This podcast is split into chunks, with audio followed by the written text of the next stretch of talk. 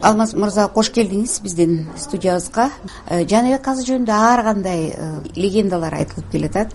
Басмачы болгон революциячылар менен катуу согушкан деп да айтышат кызматташып иштеген чогуу деген дагы версиялар айтылып жүрөт. Сиз билген маалыматтар кандай? Ал киши кандайча ушул тышта жашоого мажбур болгон? Биз э, кичинекейибизден бери эле бизге сиңген да тайнем менен чоңойдук. Бул падыша убагында Э, революцияга чейин бир жакшынакай эле жашап келишкен да. Жана үркүнгө чейин ошол убакта бул бухарадан өзү билим алган киши э, жогорку билим алып балдарын ошол жака аскерий немелерге окутуп өзү диний билими болгон да бул киши э бул киши диний билими болгон. Анан кийин бул ошол өзгөндөн Э, ушул казы деп ушундай бир э, наам алат да. Казы деген кызмат болгон эми сот э? сот. Эми казылар көп да казылар аябай көп болгон ал убакта бирок тарыхы бар казы тарыхы жок казы. Эми ошо биздин тайтабыз тарыхы бар. Э, буга чейин бир үч төрт киши илимий кишилер жазып чыккан. Төлөгөн касымбекке окшогон. Жазуучу маркум эргиз турсунов көзү тирүү кезинде ушул жаркын темирбаева ал дагы жаныбек казынын туугандары болуп эсептелет да э. Журналист белгилүү ушул экөө жаркын темирбаеванын баягы маалыматтарынын негизинде жазылган экен. Ушул ошонун негизинде жалал абад э, областтык драма театры кечээ жакында ушул кыргыз драма театрында дагы спектаклин койбодубу ушул э, спектакль э, жаныбек казынын реалдуу турмушуна жашоосуна тагдырына дал келеби же? Мындай көркөмдөлгөн жактары барбы? мен угуп келген тарыхтар мен өзүм деле көп изилдеп менде архивный документтер архив менен пакистандан бери иштеп келатам да азыр менде видео аудио бүт немелер бар. Эми баардыгы ошол мен айткан кичинекейимде айткан немелер боюнча дал келип атат да. Эми мунун артынан жаркын эже э, бирден бир түшкөн. Эми мен мынтип айтам эми театрда буга орун аз да убакыт. Мунун дагы ар жактагы тарыхы элүү проценти алтымыш проценти тартылган жок да. Азыр мына жаркын эже ушул күзүндө презентациялык китебин кара сөз менен жазып бүтүрөйүн деп атат эми бул э, киши э, канча байлыктарын өткөрүп берген канча байлыктары калган ошончо элди багып ошол убактагы кишилерден балдарынан угуп көрсөм бул эч качан жанагындай басмачыдай болуп мындай неме кылган киши эмес да. Бул киши басмачы болгон эмес деп атышпайбы ошого негиздер барбы негиздер бар бул убагында байлыктарын тапшырган. Смбнын архивинде сакталып азыркыга чейин турат ошолордучу жаңы бийлик менен кадимкидей кызматташкан. кызматташып бул жаныбек казы прямой немелер менен отурган эмес. Кызыл командирлер менен. командирлер менен эч качан бириме бир отуруп сүйлөшкөн эмес. Ортомчу кишилер муну переговор жүргүзүп турушкан. Оштун областынын бүт границасын бул жаныбек казыга берип жаныбек казыга алтын кылыч берет. Э, ошол жакта иштеп бир жакшынакай болуп иштеп жүргөн кезде булардын ичинен чыккынчы чыгып анан кийин булар советтен э, каракулжадан ошол жакта турган орустардын он алты аскерин баарын муздап кетет баягындай өлтүрүп кетет да. Башка бир э, алибай салибай деген бир бул жаныбекке тиешеси жок. жаныбекке тиешеси жок. Бул кабарды алар биринчи бул кызылдарга жеткирет. Жаныбек казы э, заставаны кырып кетти дейт да. Ошондо анан указ чыгат дагы жаныбек казынын урук туруу немеси менен переговор жүргүзүлбөйт. До конца жок кылган деген чечим болгон. Булар анан э, куугунтуктап отуруп кичинекей балдары менен аялын туугандарын бүт баарын алып барып туруп ошко алып барып камап салат. Хасиет апаны балдары менен оштун э, түрмөсүнө камайт. Э, буну камагандан кийин булар туугандары менен анан ар жака ошол бизде кара шоро деген жак бар ошол жак менен анан через алайкы мына кытайга өтүп кетет буларчы. Кытайга өтүп бул ага чейин падышанын убагында бул казы болуп туруп кытай менен соода өкүлү болгон ошон үчүн булар барып булар кабыл алат деп ошол жака кетишкен да. Ишенген. Э, жанагы төрөбай деген тагабыз жүрбөйбү жанагы эме жаныбек казынын баласы. Ал желдеттери менен бир нече жолу кирип э, ошол бир туугандарын бошотобуз деген немеде булар кирип чыгып согушуп турган.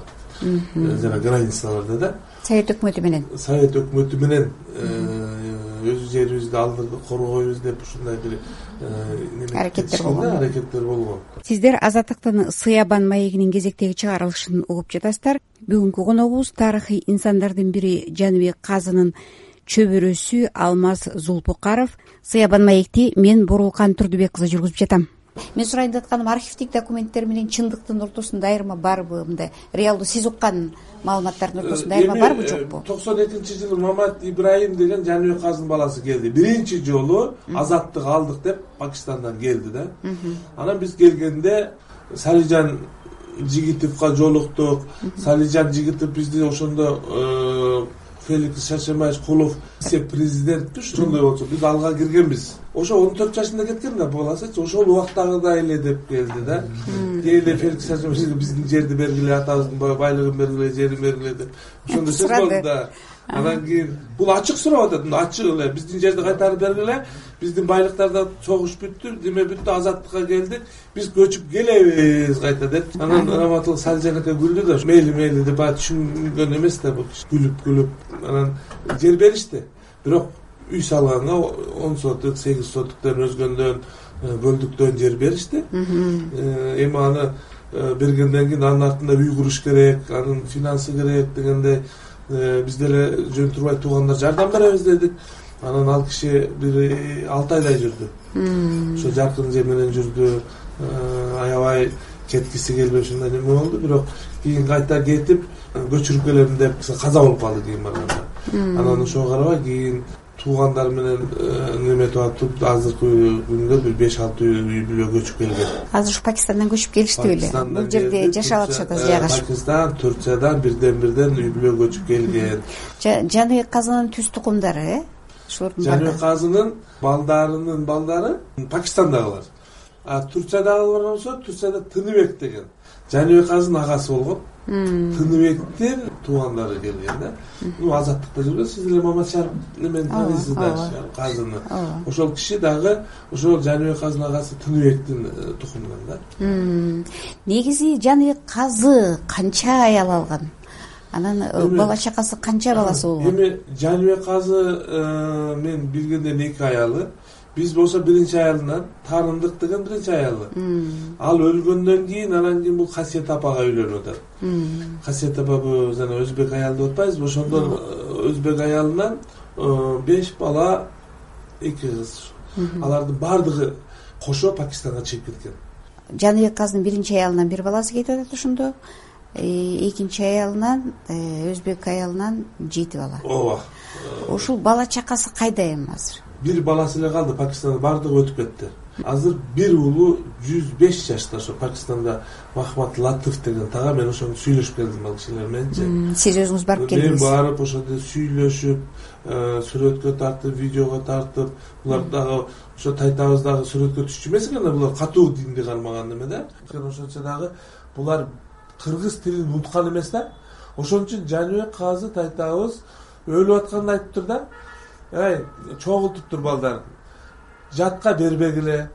Кызыңарды э, балдарыңарды бири бириңердин эле үйлөй бергиле. Кийин куда буюрса э, орус э, бага албайт мынча элди. Качандыр бир убакта булар таркайт. Ошондо чогулуп кетип каласыңар. Бирөөгө жатка берип калып калбасын бул жакта деген да.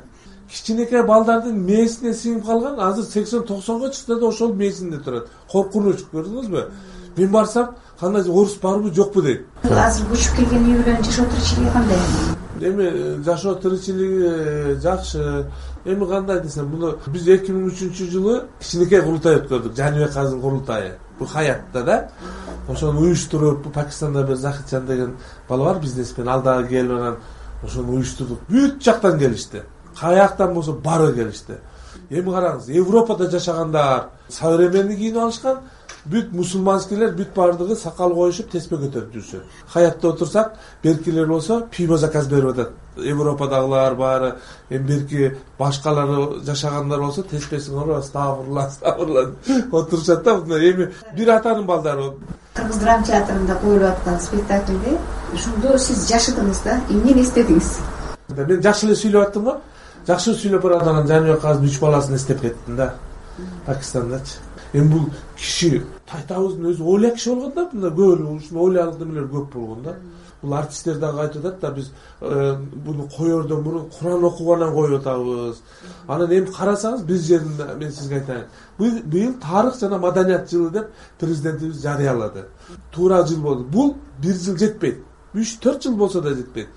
Канча деген инсандар жаныбек казы тайтаевга окшогон инсандар бар да ачылбай келатат мына жыйырма беш жыл болду ким бизден манас курманжан датка шабдандар деле заочный айтылып келатат мындай неме болуп туруп бул китепке жазылып э, окуучуларга жанагындай э, үлгү болуп ушундай бир тарыхыбызды биз билишибиз керек да.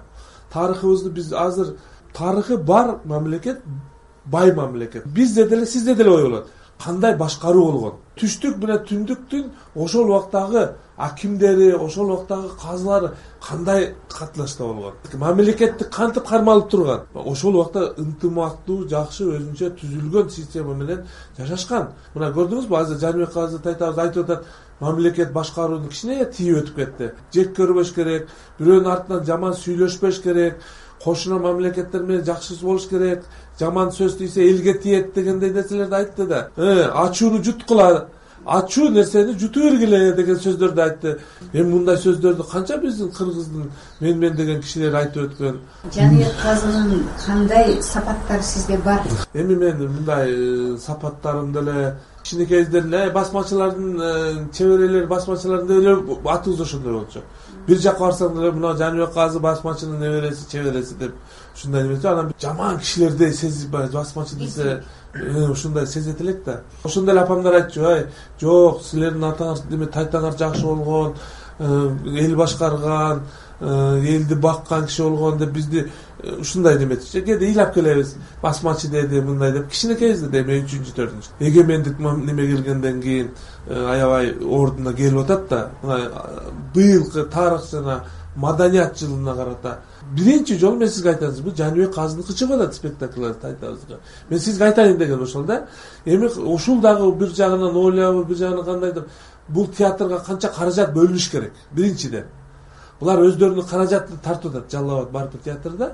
Экинчиден ошончо артисттер отузга жакын артист ролдорду ойноп эки айдын ичинде э, тим эле укмуш коюшкан да.